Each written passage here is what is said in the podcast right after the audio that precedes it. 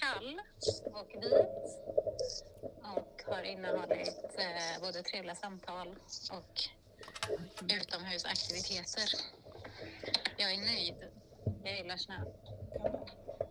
Jag försöker sätta fast mikrofonen, det är det som Mm. den, den, föll, den föll av. Det är liksom, vi, har, vi har fyra mikrofoner, tre stycken är likadana, de sitter jättebra. Den fjärde mikrofonen är superkänslig, det är därför du finns vid den. Men den har också rasat nu. Så, men nu, Hörs jag? Du hörs. Och du hör oss Hillevi? Jag hör er. Jättebra. Toppen, toppen. Jaha, nu har vi äntligen fått till att du är här. För jag har typ längtat efter att du ska vara på platsen första gången vi träffades. Eller vi har bara träffats en gång. Slå inte gå Det är väldigt gulligt. För då pratade vi om massa saker. Alltså hur du jobbar med det är barn och unga. Och då var det här projektet i Tanum. Mm. Eh, Ja, då, det var ju ett tag sedan. ja, tre år sedan tror jag. Eller om Ja, det inte var- mer. Det kan ha varit ja, något sånt. Jag hör inte riktigt mig själv. Vi Hör ni mig? Vi hör Ni dig hör dig, ja. Men eh, jag tänkte, jag skickar ju den här satsningen barn och unga, men jag tänkte Anton och Maria kanske kan nämna något om det, men vi börjar ju med en presentation om dig, typ, i podden. Mm. Och, Och ni får jättegärna prata om det för jag ska ju inte säga att jag har hunnit läsa så himla mycket. Nej, men det sa jag redan, att det kanske är bra om Anton och Maria kan liksom gå in som politiker och kanske berätta lite. Ja, då blir det ju mer av ett samtal. Det är mer Ja. intressant tänker jag också. Precis. Så vi tar det därifrån och sen så, eh, vi kan ju klippa bort allting som man håller på att råka tramsa som jag råkar göra. Då kan vi klippa. Och sen så får du ju, sen får du ju såklart, eh, om du vill lyssna på avsnittet innan så får du det, eller så litar du på Anton. Det, det kan man göra. Det gör man på egen risk. Exakt. Ja, det är det. Ja, Men är du redo då? ja, jag är redo. Då så, då kör Anton igång. Ja, det gör jag tydligen. Mm. Eh, ja, nej men absolut. Eh, jag är tillbaka i studion. Det tycker jag är lite kul. Det tycker vi också är Ja, kul. Det är mycket roligare att klippa avsnitt jag är med i själv också. eh, men nu är det så här eh, att här i Västerås, eh, där har vi i den här ekonomiskt svåra tiderna valt att lägga vårt fokus på barn och unga. Bland annat så har vi fredat skola och förskola från besparingar. Frågan är, räcker det idag? Eller behöver vi lägga om vårt fokus? För att prata om det så har vi med oss en gäst från andra sidan av landet, närmare bestämt Tanum. Vad har vi på Tanum då? Ja, jag vet inte, men mer än att vi alltid slog dem i fotboll och att det var dit man åkte för att bada på vinterhalvåret så är det kanske inte så mycket, men det är verkligen inte bara bara. Tillbaka till vår gäst då. Eh, hennes podcast Annorlunda barn utforskar de unika aspekterna av barnens värld. På Facebook i gruppen Starka föräldrar guidar hon föräldrar genom den labyrinten som just föräldraskapet ändå är. Idag, när vi spelar in, då är det den första december och det verkar passa vår gäst alldeles utmärkt då hon både vinterbadar och åker pulka i samma kläder hon badar i tydligen. Kanske är det just den ådran som också gör att hennes engagemang för annorlunda barn är så stort. Vi säger välkommen till Hur tänkte ni där? Hillevi Stråge. Välkommen!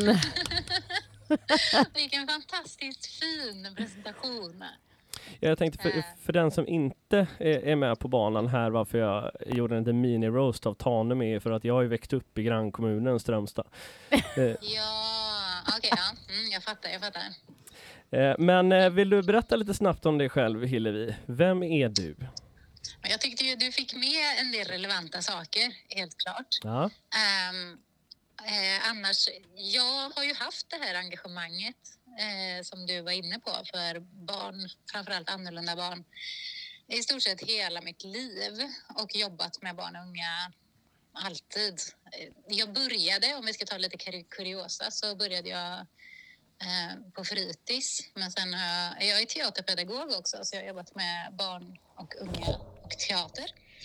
Eh, Men sen blev jag sjuksköterska och då eh, tillbringade jag större delen av min arbetstid på BUP. Kan vi stanna upp lite? Micken har rasat. Eh, Micken har rasat. Micken flög!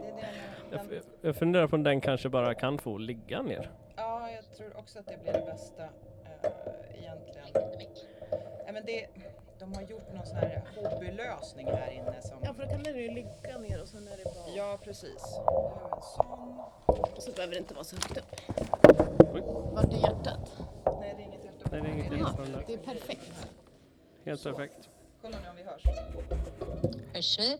Vi hörs ännu bättre än vad vi gjorde Ja. tidigare. Perfekt. Toppen. Det enda som absolut inte får hända nu, det är att någon sitter och gör någonting på bordet i studion. Mm. Håll händerna Ingen nämnd, ingen glömd Tanja.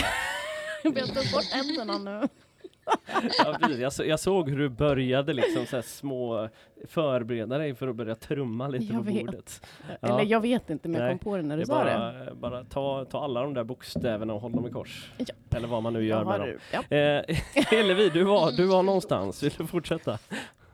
Jag var någonstans. Ja, nej men eh, jag... Ehm, efter, jag, jag, jag jobbade, när jag blev sjuksköterska så var mitt drömjobb att jobba på BUP. Ehm, det är inte så många som har det som drömjobb, men jag hade det. Ehm, och där hamnade jag och eh, jobbade i några år. Sen flyttade jag till, hit till Tanum faktiskt, från Borås. Och eh, här fanns det inget BUP, så här jobbade jag på behandlingshem för barn och unga istället. Där testade jag både att vara behandlare, samordnare och föreståndare innan jag gick vidare och provade på att jobba inom socialtjänsten. Eh, så att där, jag har jobbat inom socialtjänsten som handläggare för barn och unga, vilket är ett helt annat typ av jobb. Och sen lite som Tanja var inne på där då så startade jag upp ett projekt här i Tanum eh, som jag kallade för Rätt att må bra. Där jag liksom riktade in mig ännu mer mot just barn och unga med psykisk ohälsa och neuropsykiatriska funktionsvariationer. Alltså de här annorlunda barnen som inte riktigt... Som ibland är lite svåra att förstå sig på för omgivningen verkar det som. Och eh, far illa eh, rätt mycket. Och det visade sig att alla som jag jobbade med hade stora eh, problem i förhållande till skolan. Men för att Det vi blev- ska bara komma med på banan här nu då. När vi pratar Mm. om annorlunda barn, vad pratar vi om då? Alltså på sätt och vis, så tänk, för det kan ju vara lite provocerande ord. När jag skulle döpa min podd så tänkte jag att vissa kanske kommer bli irriterade. Men det är okej, det är ju bra också. Men jag tänker att på sätt och vis är ju alla lite annorlunda barn. Jag skulle kunna vara ett annorlunda barn, men många av de här annorlunda barnen som jag pratar om och träffar, det är ju de som kanske har antingen som har diagnoser som ADHD eller autism och på det sättet är lite svåra att liksom förstå sig på för många människor eh, har det blivit mer och mer uppenbart. Eh, men det kan också vara liksom det här med att eh, känna att man inte passar in i ett samhälle som kanske blir lite snävare och lite snävare. Ehm, så att, och sen tänker jag att det kan finnas vuxna som också känner sig som annorlunda barn. Så egentligen handlar det ju om att liksom på något sätt öppna dörrar och vara lite nyfiken på det som jag inte riktigt förstår mig på. Och i, i, idag då, alltså vi, jag inledde ju det här med att prata om hur eh, vi i Västerås har eh, fredat både skolan och förskolan från besparingar. Eh, det Mm. kanske inte är drömbilden att vi bara inte sparar in på skola och förskola. Vad är din bild av ja, eh, skolan, förskolan idag för eh, de här barnen? Eh, vad, vad behöver fokus ligga på? Alltså min bild är ju, och det är ju inte bara min bild, jag tänker att, att liksom Skolverket och, och alltså många lärartidskrifter till exempel eller om man tittar på lärare överhuvudtaget, liksom gruppen lärare, gruppen förskollärare så är det ju väldigt många som uttrycker att de här verksamheterna håller inte längre för våra barn. Vi kan inte bemöta barn så som vi vill bemöta barn. Vi kan inte utföra vårt jobb så som vi vill utföra vårt jobb. Vi kan liksom inte finnas där för barnen. Vi, det var senast för några dagar sedan bara som jag läste en artikel där liksom förskollärare larmar och säger att vi kan inte ens säker, alltså ha säkerhet. Vi kan inte stå för säkerheten vårt jobb längre för att verksamheten är liksom den funkar inte. Vi kan inte finnas där för de barnen som behöver oss. Så att eh, jag tänker att bilden är ju inte så himla positiv. Och med 140 000 barn som har liksom stora utmaningar med att vara närvarande i skolan tillräckligt mycket för att de ska kunna liksom tillgodogöra sig, man pratar ju om ja, stor skolfrånvaro, så tänker jag att det är någonting som inte stämmer med skolan. Och vad är det som Och saknas då? Vad som saknas? Jag tänker att, att dels så tänker jag att, att mycket handlar om att eh, man har liksom gått, det har man gjort inom många verksamheter, det är liknande inom vården, att man har gått ifrån eh, den pedagogiska verksamheten till den administrativa verksamheten som huvudfokus. Liksom. Eh, man kan se samma sak inom socialtjänsten och samma sak inom vården också. Att det blir ett sånt fokus på det administrativa och att så att man hinner liksom inte umgås med den som det ska dokumenteras om. Och det är ju klart att det blir ett problem eftersom eh, alla de här verksamheterna bygger ju på relation. Och kan man inte skapa relation så har man ju missat hela möjligheten. Så det skulle jag väl säga är en sak. Sen då finns det ju många olika delar. Att skolan inte fungerar så bra nu, det har ju allt att göra med allt mellan hur man har ju liksom utvecklat och gjort om läroplanen till hur betygssystemet ser ut eh, och andra liksom. Så jag tänker att man också behöver zooma ut och titta på hur hela samhället ser ut nu i förhållande till hur det såg ut för bara liksom 20 år sedan och fundera lite över vad behöver våra barn faktiskt för att kunna förhålla sig till det här samhället. För skolan, eh, den skapades ju liksom inte nu, den skapades ju för 150-200 år sedan i den formen som den har nu och det var ju för ett helt annat samhälle. Eh, och innehållet, eller det är ju väldigt mycket som hänger kvar därifrån så jag tänker att man eh, behöver kanske tänka om eh, lite grann kring vad man har för fokus och vilken typ av människor man vill liksom få ut ur det här systemet. För skolans uppdrag är ju ändå enligt skollagen att skapa demokratiska följsamma medborgare. Är det det? Hillevi, vet du vad jag tänkte på? Jag tänkte på två Nej. saker. Du pratar ju mycket om barn och de som är hemmasittare och att det är mycket press tillbaka till skolan, tillbaka till skolan. Mm. Och du har ju ett litet, ganska sunt perspektiv. Eh, För jag tror jag tittade häromdagen på att det finns olika barn som har olika behov och att man måste liksom skapa den här relationen. Men eh, om du kortfattat skulle kunna beskriva eh, barn som är hemma, hur ska man tänka kring deras mående och för att försöka få tillbaka dem till skolan? Alltså, vad, vad är målet till slut? Är det liksom att de ska gå till skolan och lära sig allting? Eller vad, vad, hur ska man tänka?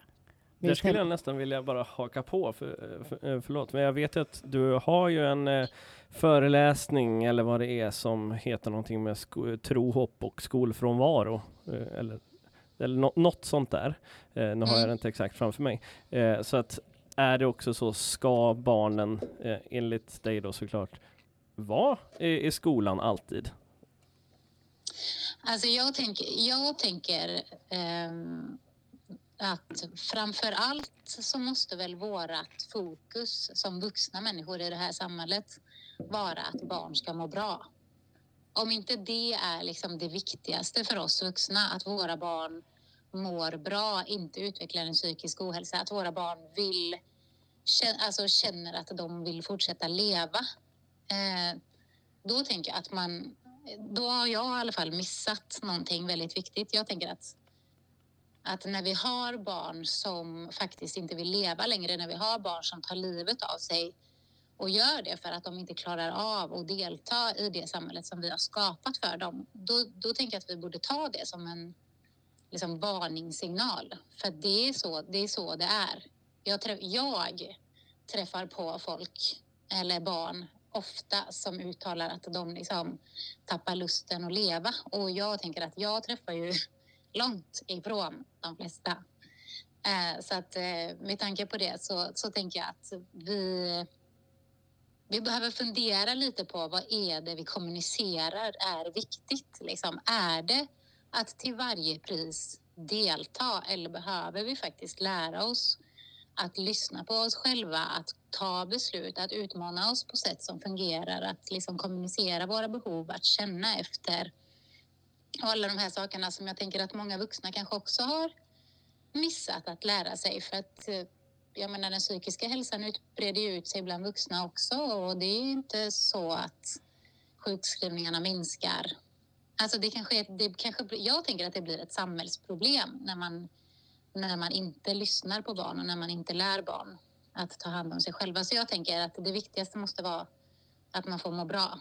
Och ur perspektivet lärande så är det ju också så att hjärnan kan liksom inte lagra massa ny kunskap speciellt effektivt om den är i stressläge, om den inte mår bra. Så att ur det perspektivet, om det nu är så att poängen med att vara närvarande i skolan är att man ska ta med sig kunskap eller ta upp kunskap eller lagra kunskap så krävs det ju också att man mår bra och Men det- känner sig trygg. Får jag bara hoppa in lite grann där, just när du pratar om, om det här med, med den psykiska ohälsan och med måendet. För där vet vi att självmordsstatistiken i Sverige har sett ungefär likadan ut de senaste 20 åren, men det som är alarmerande är att den allra yngsta gruppen, där ökar det. Och där vet man också att suicidförsöken ökar. Och där, bara för några år sedan så, så kunde man konstatera att det var så unga som nioåringar som man hade konstaterat suicidförsök på. Och det är inte ovanligt att väldigt små barn yttrar att de inte förstår världen, att de inte orkar leva. Och då pratar jag framförallt liksom om de som har neuropsykiatriska funktionsnedsättningar. Men det jag tänker på lite grann ur ett politiskt perspektiv är ju också hur diskussionen om skolan har gått. Att man pratar så oerhört mycket om höga betyg och att höga betyg liksom är det som är målet med skolan. Men du tar ju upp det som handlar om att att vara en god medborgare, att vara en god samhällsmedborgare. Och det fokuset tror jag också att vi som politiker och de som deltar i den politiska diskussionen och i skoldebatter behöver ta ett större ansvar för. För att, gå, att göra progressionen från att vara hemmasittare som mår väldigt, väldigt dåligt till att komma till skolan och få ett D i ett ämne.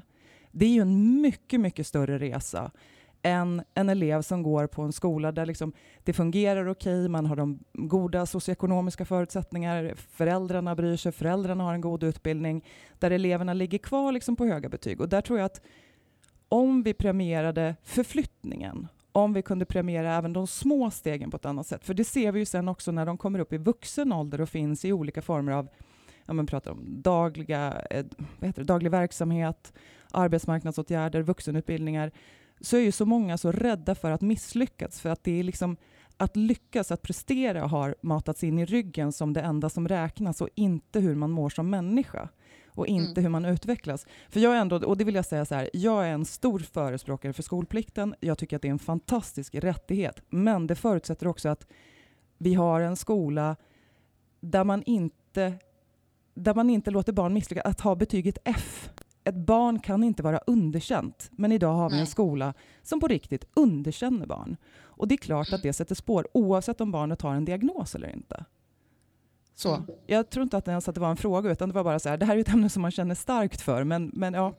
Men Ja, men Hillevi, det är det ju. och, jag, tänker, alltså jag tänker att, eh, och nu den här frågan som, som jag ändå fick, vad ska man liksom fokusera på? Jag, jag tror att man behöver gå tillbaka, lite som jag hörde, eller ville höra i alla fall i det som du sa nu. Alltså man behöver gå tillbaka och fundera över vad är det skolan ska stå för? Alltså vad behöver, vad, vilken typ av medborgare då, eller liksom människor vill vi ha i det här samhället. Men när vi har ett samhälle där liksom media och nyheterna sprutar ut information om hur våldsamt det är, hur farligt det är, hur liksom klimathoten, det är krig på alla möjliga ställen, det är våld liksom i våra stora städer och det här matas ju våra barn med varje dag. Det är ju klart att det också påverkar hur de mår. Alltså jag tänker att vi som är vuxna, vi behöver ta lite större ansvar. Dels att fundera på vad exponerar vi för våra barn för egentligen? Eh, och också oss själva. Alltså det handlar ju om också vem är jag när jag är runt ett barn? Eh, är jag, alltså beter jag mig på det sättet som jag vill att barn ska bete sig på? Eh, kan jag, om jag går omkring och är skitstressad på mitt jobb eller hemma hos mig, det är klart att det påverkar våra barn. Om vi har ett samhälle som liksom går igång och snurrar igång i mer och mer stress, det är klart att det påverkar barnen. Att tro att barnen inte skulle liksom fara illa av det, det är ju lite naivt skulle jag säga. Så jag tror att man behöver tänka om. Man behöver tänka vad är det våra barn behöver? Alltså som du var inne på. Hur kan vi skapa en skola som, där man faktiskt lär sig det som jag tänker att många barn också efterfrågar. Hur lever man det här livet liksom?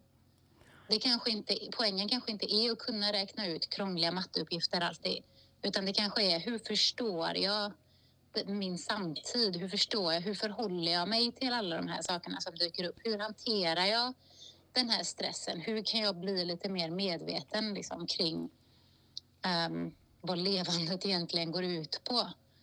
Hur kan jag göra för att skapa en större trygghet för mig själv?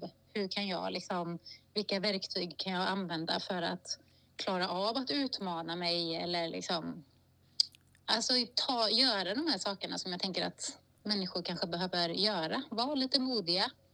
Säga vad man tycker. Var liksom, eh, ha konstruktiva relationer. Hur, hur lever man? Hillevi, Um, vet du vad jag kommer att tänka på?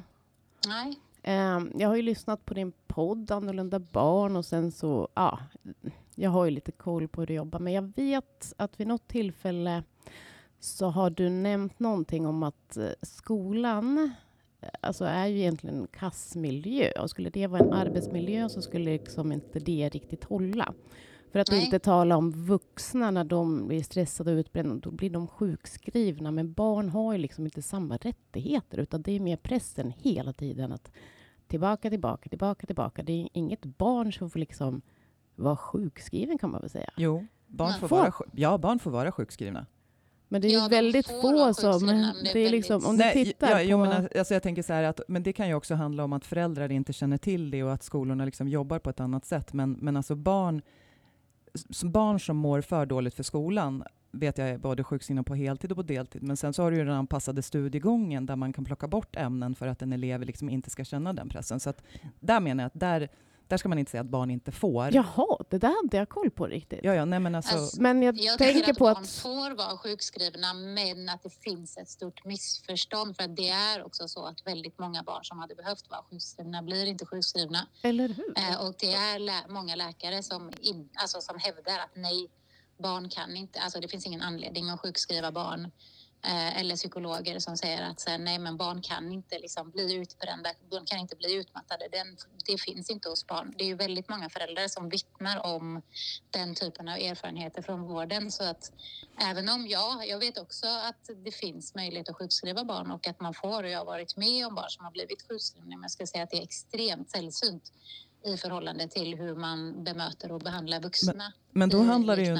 Då tänker jag, då handlar det ju inte enbart om skolan som miljö, utan då är det ju mer ett övergripande samhällsproblem att vuxna, Ja, vuxenvärlden inte tar barn och ungas psykiska ohälsa på allvar. Ja. Eh, I det att eh, man kanske tar man kanske tar tonåringar på ett annat allvar, men du tar inte barn på allvar när Mm. de mår dåligt. Eh, för det tänker jag, för när, när eh, psykiatrin, alltså när BUP bemöter det på ett sånt sätt, eh, alltså att allmänläkare inte har den kompetensen, det, det kan jag någonstans också liksom förstå, för psyk, alltså kompetensen inom psykiatrin är ju liksom inte specialiseringen för allmänläkare på vårdcentralen, men däremot när BUP har samma bemötande så blir jag beklämd. För det är ju annars en grupp, eh, alltså en profession och, och en del av vården som verkligen borde förstå när barn Mm. mår dåligt. ja, och samtidigt så är det ju allmänläkarna som, som sjukskriver vuxna människor med psykisk ohälsa. Och det är ju märkligt att man inte kan göra samma sak med barn. För det är ju inte säkert att man kommer, alltså ska du få kontakt med BUP innan du blir sjukskriven, då har du ju ett års väntetid. Liksom. Men det är där jag tänker att det har ju också skett, liksom, nej men det har ju skett en, för, en förflyttning. Om du tittar på hur acceptansen för depressioner, utbrändhet, psykisk ohälsa, hur den ser ut idag i samhället i stort kontra hur den såg ut på 90-talet. Mm. så är ju det en helt annan tillvaro idag. Eh, där det också har skett en viss förskjutning, för det, det ser vi att mäns psykiska ohälsa pratar man ju inte heller om på samma sätt. Alltså kvinnor blir sjukskrivna för, för psykisk ohälsa medan män oftast får en somatisk diagnos och inte behandlas på samma sätt inom psykiatrin, trots att det är de som står för den största mängden av av suicid och suicidförsök. Mm.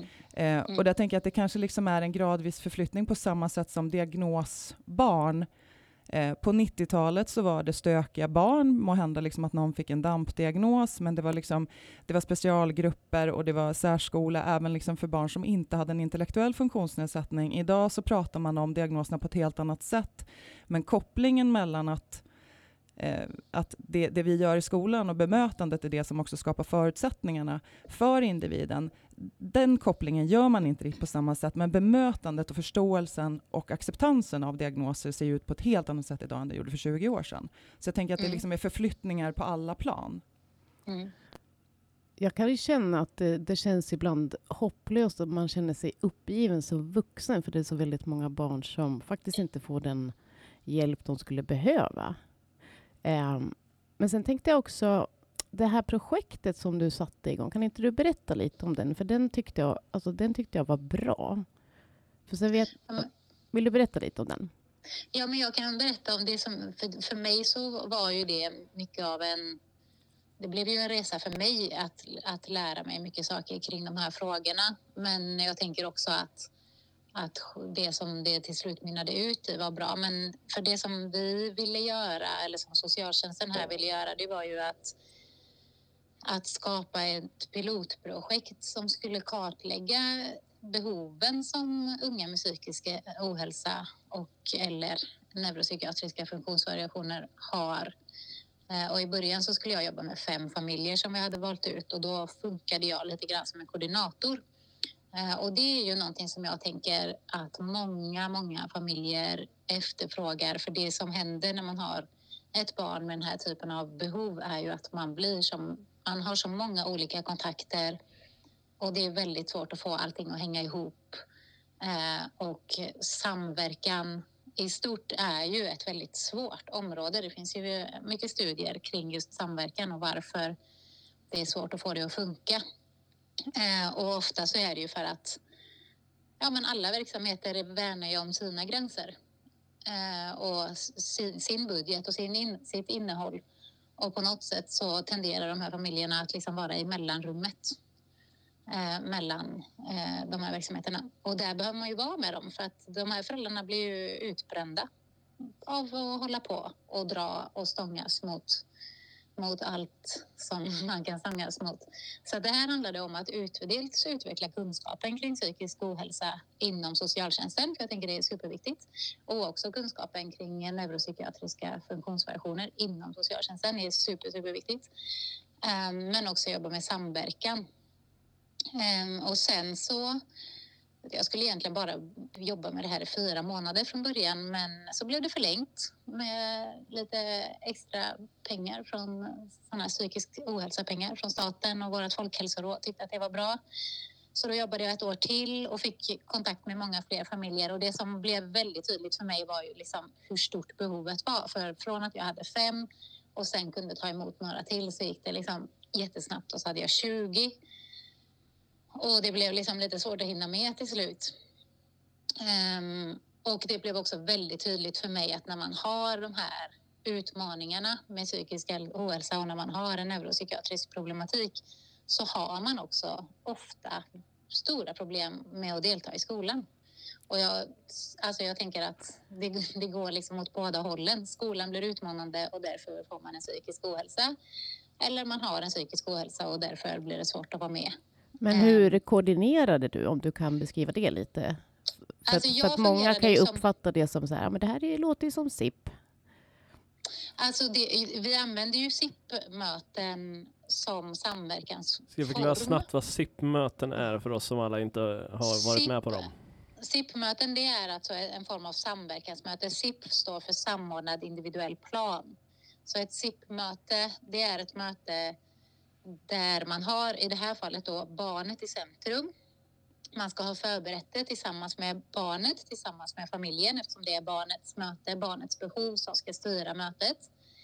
Eh, och sen så ska de verksamheter som finns som stödfunktioner runt barnet egentligen samlas och tillsammans hitta sätt att möta de här behoven eller de här målen som det här barnet har så att man liksom tillsammans kommer framåt. Eh, så det handlar om att samordna, samordna insatserna för barnets bästa egentligen. Mm. Sen används det inte alltid på, på det sättet men, eh, Men det är det som är poängen med ett SIP-möte. Så det är ju den formen, det är ju också den formen som man kommit överens om inom liksom regionerna mellan när man ska samarbeta mellan kommun och region eh, så använder man ju den samverkansformen för att man har kommit överens om det.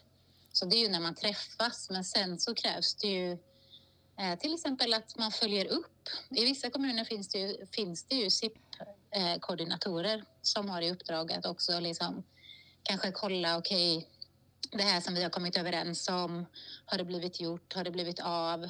För att det som händer efter att man har haft ett möte det är ju att alla går hem och så fortsätter verksamheten som vanligt och så försvinner saker. Liksom. Så jag fungerade ju mycket som att alltså, hålla barnets intresse vid liv. Att vara liksom okej, okay, ligga på, ringa och fråga hur har det gått med det här som vi kom överens om? Eh, när får vi svar på det här som ni skulle ta reda på? Hur blir det med de här sakerna? Liksom? Eh, den där läkartiden eller det där mötet. Och ibland kan det vara att man behöver följa med eh, familjer eh, på saker. Eh, för att tibba upp till exempel eller träffa läkare eller att man liksom för att, för att de här sakerna ska kunna hänga ihop. Ehm, för att det kanske är så att det finns en information som inom vården som skolan till exempel behöver ha för att kunna bemöta barnet på, på ett bra sätt. Men den kommunikationen sker ju inte automatiskt och på ett alltid så himla bra sätt. Och det är inte säkert att föräldrarna kanske har kompetensen eller orken eller möjligheten eller att de ens blir bemötta på ett sätt som gör att de kan vara den länken emellan verksamheterna. Eh, så därför behövs det liksom finnas ja, en så, länk emellan helt enkelt. Så du höll ihop så att informationen kom fram men också höll ihop ja. Ja, om det var skola och BUP och sen socialtjänsten. Du såg till att eh, du hade all central, eh, central information och att alla var inspelade i mm. vad, vad som är vad kring barnet. Ja, och sen handlade det ju väldigt... Jag hade ju också kontakt med barnet och inför mötena pratade med barnen och tog reda på deras liksom, perspektiv och upplevelse av saker så att man liksom... Det handlar ju om att det behöver ju utgå ifrån barnet. Man behöver ju förstå den individen som man liksom möts kring. Så det handlar ju också om att liksom få med sig det perspektivet. Om du fick, vi säger nu att alla politiker i hela Sverige skulle höra det här avsnittet och du fick kort säga så här, hallå, ta in det här, för det här, ni jobbar bra, ni gör kanske mycket saker, men va, vad skulle du vilja säga att man behöver ha lite mer koll på eller ta med det politiska, eller vad är det vi behöver uppmärksamma? Eller politiker behöver uppmärksamma som missas? Den frågan tycker du jag ska svara på så här yep. Den enda saken som skulle göra all skillnad. Äh, men, Nej, men inte en enda, men kanske någonting så här kort. Så här, men det här, alltså no, några saker så där. Ja, men jag, jag tänker att man behöver um, jag tänker att man behöver fundera över vad man har för barnsyn. Lite som vi var inne på. Liksom, vad är syftet med till exempel skolverksamheten och innehållet? Tar det verkligen oss dit? Är det här verkligen det syftet vi vill ha?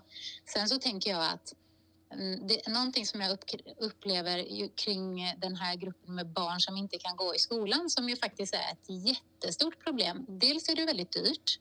Eh, utanförskap är ju svindyrt, liksom. det vet vi, det behöver vi inte fundera över.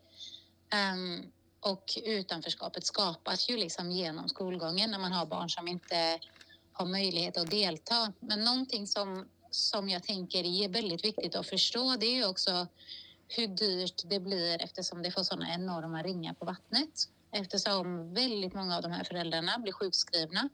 För det är i stort sett omöjligt att jobba och ha ett barn hemma som dessutom mår väldigt dåligt. Du är liksom aldrig på rätt plats.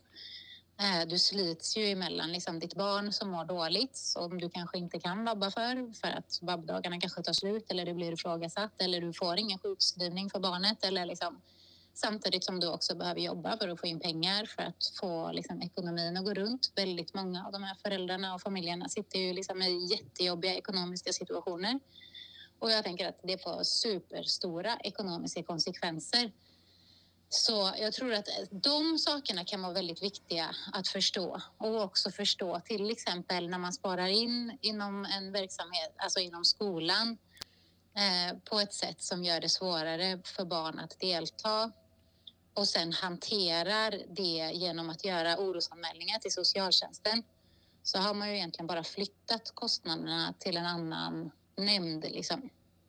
För socialtjänsten jobbar ju inte gratis. Nej, det gör de verkligen inte. Eh, men eh, någonting som eh, vi socialdemokrater gick in med i valet, jag skulle säga att eh, eh Maria som är med här i studion var väl en av de stora initiativtagarna till det. Det handlade ju om att eh, NPF-säkra skolan i Västerås. Mm. Det vi mm. också mm. fick med oss in i den nu allsmäktiga Västeråsmajoriteten. Mm. Eh, Maria, kan du berätta lite kort vad det innebär? Så. Väldigt kort sammanfattat så kan man säga att eh, standardlösningen eh, runt om i landet överhuvudtaget brukar vara att sätta in en resurs eller en assistent. Så fort ett barn har en diagnos så plockar man in en assistent. Eh, tanken som jag hade med mig efter att ha sett goda exempel var att man istället hade generella kompetenshöjande insatser för hela personalstyrkan. Att man ser över den fysiska miljön också så att den miljön är bättre anpassad, att man har tillgång till eh, hjälpmedel, men också liksom, eh, ja, men ljuddämpande åtgärder. Så, små saker i vardagen. Men också den, just den kompetenshöjande aspekten är oerhört viktig, för där är det ju Funktionsnedsättningen har barnet alltid med sig, men funktionshindret uppstår i omgivningen och i bemötandet. Och där i mm. bemötandet i skolan så har vi ju flera gånger om sett att skolans personal oavsett var de varit, har inte bemött barn på ett sådant sätt som hade varit gynnsamt, utan det har istället resulterat i affektutbrott, eh, man har gått hem, alltså det, det, har blivit mycket större konsekvenser. Så tanken där var att om man höjer grundkompetensen och får ett bättre bemötande, kommer det att innebära att fler barn kommer att orka med skolan, ha kul i skolan, trivas i skolan. Och då har vi också mer resurser kvar till de eleverna som faktiskt inte kan vara i skolans lokaler, som behöver särskild undervisning på annat håll. Så det, grundtanken där finns att liksom generellt höja kompetensen, men också se över den fysiska miljön. För där kan det vara såna här saker som blinkande lysrör, eller att väggarna inte dämpar, att det är ljud som studsar. Det är sånt som neuro, alltså normisar, som vi säger, märker inte av det. Är det jag det? Du är en normis. Ja, det är du Anton. Men, som du är. Precis, men du Normis, du märker inte av det, medan i det här rummet exempelvis så kan jag tänka mig att, att vissa av oss sitter och hör en fläkt som låter precis hela tiden och aktivt måste stänga av den fläkten. Sådana saker har man liksom gått in och tittat på. Så det är mm. liksom NPF-säkring och där är vi också jätteglada över att majoriteten har sett det. Det är inte bara grundskolan utan det är också på förskolenivå, hela vägen upp på gymnasiet. Och att man har gjort den vändningen här i Västerås, att man vet att det är tidiga insatser, det är tidigt bra bemötande. Alltså vi kan inte gå in i åttan och nian och reparera någonting som kunde ha förebyggts redan liksom på lågstadiet. Så. Mm. Så det blev en lång förklaring, men ändå en kort förklaring på en komplex. Ja, men jättebra, tänker jag. Och det har jag också varit mycket inne på, det här med liksom att NPF-säkra. För det är ju inte så att alltså den typen av, eh, av eh, insatser eller förhållningssätt, det är ju inte så att de som inte har NPF skulle bli skadade av det, utan det är ju någonting som alla har nytta av. Att kompetensen ökar och att man är medveten om sitt förhållningssätt och att man har en arbetsmiljö som fungerar. Och, så jag tänker det är skitsmart att göra liksom, skolan mer tillgänglig för alla så att man också kan hjälpa, alltså med den insikten att ja, det finns ju också elever som inte, som inte kan delta i alla fall och de behöver vi också hjälpa tidigt. Och där blir det ju Eh, för bara gå och säga, där blir det ju jätte, jätteknasigt, för det är just bemötandet och där vet vi ju, alltså jag tänker på Bo Hellskov som är en av de som jag tycker är helt fantastisk när det handlar om bemötandet av barn som har särskilda utmaningar. Eh, när Skolkonsulterna hette de väl, de som fick en del uppdrag. Ja, när de får, det, det, är alltså då en kvinna som har startat ett företag, Skolkonsulterna, de vänder på skolutveckling runt omkring med ganska horribla metoder. Och det här var omskrivet under en kort period, liksom nu under hösten. Men de fick ett stort genomslag i media och de hånade i princip lågaffektivt bemötande och tyckte att det var bara blaj och spädde på myten om att lågaffektivt bemötande är att ja, men vara passiv. Det är ju inte alls det det handlar om. Det handlar om att förebygga utbrott och det handlar om att ha en struktur och att vara liksom ett sånt sätt i sitt bemötande och just det bemötandet är bra för alla barn. Men det är särskilt gynnsamt för barn som kanske har större för, svårigheter. Och, och det, blir, det blir fel när det som faktiskt skulle vara bra hånas av några som sen själva åker ut med huvudet före för att det visar sig att de har i princip uppmanat till olagligheter. Mm. Men Hillevi, alltså det är stora utmaningar. Det är många familjer som har det tufft och kanske främst barnen. Um, har du några hoppfulla ord eller tankar att skicka med? Om det är Men någon som det- lyssnar och känner så här, det här kommer att gå åt helvete för oss och mitt barn och familjen. Men jag tänker inte att det måste. Jag, jag tänker att man behöver... Alltså det som jag vill hjälpa föräldrar med och som jag gör bland annat i den här Facebookgruppen som ni nämnde. Eh, men också så har jag valt att jobba privat nu för att stötta föräldrar. Och det handlar ju om att hjälpa föräldrar på ett sätt och få tillbaka, alltså få verktyg för att kunna hjälpa sina barn. Det finns jättemycket man kan göra som förälder för att stötta sina barn ehm, att må bättre, att liksom få tillbaka livslusten, att liksom, om man förstår vad ens barn, alltså sina barns behov, sina barns funktion. Men det som också är jätteviktigt, tänker jag, och som jag skulle vilja skicka med till liksom kommuner och skolor och politiker, det är ju just det här hur viktigt det är att skapa goda relationer till föräldrarna. Det är lite, jag tänker att det är lite på samma sätt som om du, har- om du har separerat. Eh, så att du har liksom två, ett barn med två boenden så tänker jag att man som förälder behöver ta ansvar och ha en god relation. För annars så hamnar ju barnet i mitten och blir utsatt liksom, för att vi inte kan komma överens. Eh, och på, alltså i förhållande mellan hem och skola så är det också ett delnat omvårdnadsansvar. Lite grann på samma sätt som det blir när man har skilda föräldrar. Och där tänker jag också att det är så, så, så, så viktigt att man har, att, att man försöker se på föräldrar som tillgångar. För ibland kan, kan samtalen kring föräldrar, både från föräldrars sida i förhållande till skolan och från skolans sida i förhållande till föräldrar, skapa stora klyftor. Och det hjälper ju ingen. Nej. Så jag, jag tänker att man behöver förstå vilken enorm utmaning det här blir för föräldrar. Alltså både känslomässigt när du har ett barn som far illa och som mår väldigt illa och mår väldigt dåligt så är det klart att de här, alltså det gör ju jätteont. Det är ju bara att tänka sig, har du ett barn som vill ta livet av sig, försök tänka sig in i Ja. känslan som en förälder till ett sånt barn har. De, man är ju livrädd liksom.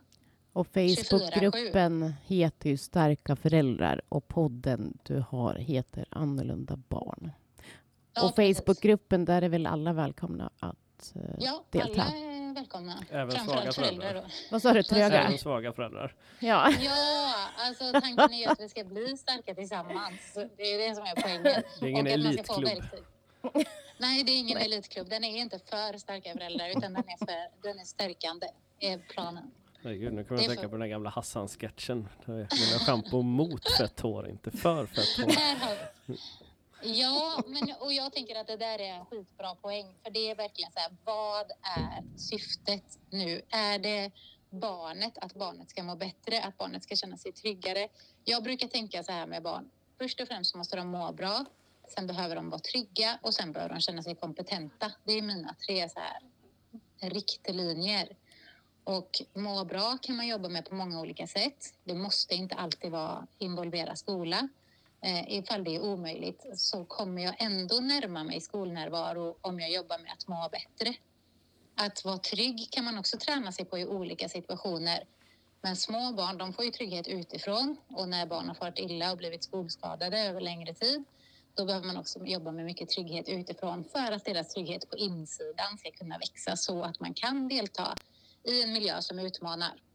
Det handlar ju inte om att man ska leva i en skyddad miljö för alltid. Liksom. Och känslan av kompetens den påverkar ju barns självförtroende och barns självkänsla. Att man känner att man duger, att man är någon, att man klarar av saker. Det är ju också väldigt viktigt för att man ska kunna delta både i skolan och i samhället sen. Att man liksom känner att man faktiskt kan saker. Och det kan man också jobba på, på inom olika områden. Så allting måste ju inte vara... Bara för att man jobbar med skolnärvaro så behöver det inte handla om fysisk närvaro i skolan utan man, jag tänker att man behöver bredda det och titta på, på barnet mer som en helhet och se hur utvecklas det här barnet som en helhet på ett sätt som gör att man till slut kommer klara av att kunna delta i skolan eller i samhället eller i ett arbete eller vad det nu är. Liksom. Ja. Och jag tror vi vuxna behöver vara... Alltså vi behöver lyssna, inte bara lyssna utan verkligen lyssna för att Lyssna. förstå. Höra. Ja. Välkomna till Karlavagnen. ja, du har så mycket klokhet och jag tycker det är jättefint att du har den där Facebookgruppen. Jag brukar vara där och titta lite och lyssna och ja, man får med sig alltså bra tankar som förälder. För föräldrar är också ganska hårda mot sig själv. Man är aldrig liksom Mm. eh, man är ganska självkritisk och man tänker hela tiden att man borde vara lite bättre. Men du, ehm, du har fina medskick som man blir så här, okej, jag kan andas ut lite. Kanske inte vara så dålig. Och lite sådär. Mm. Men jag tror att Ja. det, det, det Tanja säger nu tror jag är en sån sak som gäller för väldigt många vuxna, eh, men också väldigt många barn. Vi i Sverige vi är väldigt, väldigt duktiga på att prata om saker som handlar om själv, eh, självförtroendet, alltså så här, om prestationer, om det vi gör, om det vi presterar, om det vi levererar. Att vi mäter oss väldigt mycket. Men självkänsla är ju någonting som, som liksom finns i värdet i att bara vara, i att inte behöva prestera för att ha ett värde. Och om man då liksom vill knyta ihop cykeln lite grann med barn då som har varit frånvarande från skolan så är det ju självkänslan som man också måste bygga upp. Man måste ju visa att ja, men du i dig är värdefull oavsett vad du än presterar.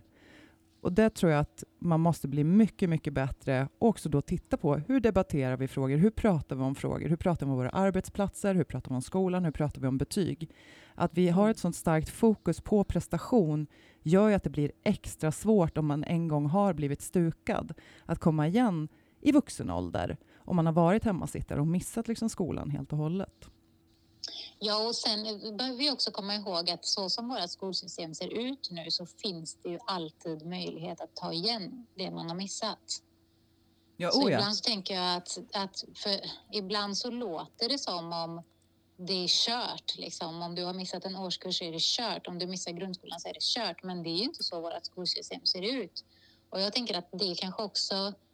Vi kanske behöver... Ibland tänker jag att man... Eller inte ibland, utan för mig har det varit väldigt uppenbart när jag har jobbat med de här familjerna. Och det är säkert alltså hundratals nu som jag har haft kontakt med och många som jag också har jobbat liksom, eh, direkt med. Det är att när vi stressar upp oss och liksom ska tillbaka snabbt för att vi blir så rädda för konsekvenserna som eventuellt kommer hända, då, då blir det liksom ett bakslag.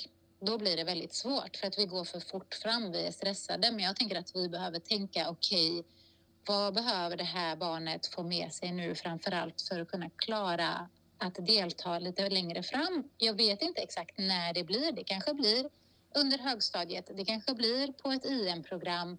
Det kanske blir på en folkhögskola när man har blivit 18. Det kanske blir på komvux. Men jag tänker att vi behöver avdramatisera lite grann det här. För att ofta så känns det som att skolan är som ett liksom X2000-tåg som bara kör och har du hoppat av på en station så är du väldigt ensam kvar där. Och sen ska du liksom på det här tåget i hög hastighet lite längre fram där du också har missat jättemycket saker. Det är liksom en rätt stor utmaning att hoppa in igen i det här som bara rör sig framåt. Så jag tänker att man också behöver alltså, kommunicera det med barn. Att så här, ja, skolan är jätteviktig. Men man kanske behöver kommunicera det på ett sätt där barn faktiskt kan få känna i sig själva att skolan är jätteviktig istället för att bara, ja, vuxna säger att skolan är jätteviktig, jag hatar den. Eh, den förstör mitt liv. Ehm, så hur kan jag kommunicera med ett barn, att hur kan jag visa skolan att skolan är viktig? Hur kan jag skapa känslan i ett barn att skolan är viktig? Att det är kul att vara där, att jag lär mig saker, att liksom, det finns plats för min nyfikenhet, mitt utforskande, allting sånt. Men också veta att så här, ja, men det är okej. Alltså, vi människor går olika vägar i livet. Eh, och bara för att någon går ut skolan liksom, i nian perfekt med höga betyg och sen kommer vidare på gymnasiet så är det inte säkert att den hittar vad den vill göra eller får skapa mening i livet. Alltså bara för att vägen ser ut rätt så betyder ju inte det att man blir lycklig eller att man är framgångsrik eller att man känner meningsfullhet. Mm. Utan det kanske är andra delar som vi också behöver lyfta upp som handlar om liksom, hur man upplever eller hur man rör sig framåt eller liksom sluta hålla på och jämföra sig så mycket. Ja men verkligen. Och eh, nu ska jag slå ett lite public service-slag och säga att eh, det är inget tåg som är lätt att hoppa på igen när det fortfarande rör sig. men, men med det sagt. Och inte bussar heller för den Nej, delen. nej men precis. Funkar med alla möjliga fordon. Ja, Hillevi, tack så Mm. jättemycket för att du tog dig tid att prata med oss. och tack för att jag ville vara med. Hur, hur har du haft det här över Jag telefon? har, haft, alltså jag har haft det väldigt bra. Jag tycker det är väldigt intressant. Jag skulle ju kunna ha de här samtalen i dagar känns det som. Men det är kul att prata med er som jag märker ändå har läst på och är insatta och liksom. Eh, ja, men jag gillar att prata med, med människor som har egna åsikter och tycker saker och jag menar man behöver ju inte tycka exakt samma om allt men det är det som är det intressanta att kunna ha eh, samtal. Jag tänker det är superviktiga samtal. Så jag Ja. har haft det väldigt bra. Vad bra. Det var jättetrevligt Mm. att ha dig här, här inom citationstecken, men med, med oss i etern. Ja, precis. Ja, jag känner mig inkluderad. Vad bra. Och sen kändes det skönt också. Maria är en av de här som verkligen brinner för de här frågorna. Och även jag. Och Anton, du får vara med. Eh, Jag, Men- jag tänkte säga, jag tänkte slänga in mig i det här, för det känns, det känns som att eh, jag bara råkar befinna mig i Mm. rummet. men just att Maria jobbar ju mycket som politiker och kan liksom också få med sig saker eh, utifrån det här samtalet. Men också att vi får släppa det här avsnittet och om vi så når en person med en tanke som kan liksom underlätta så är det hur bra som helst. Mm, Fint. verkligen. Tack för du Hillevi. Tack för er. Och lycka till med podden och föreläsningar och Facebook-sidor och allt vad det är. Ja. Tack så mycket. Tanum. Och Tanum. Ja, det är inte lätt här men Ja, Ha det gott. Ha det Ja. så bra. Och god jul. tack, tack. Hej, hej. Tack. Hej då.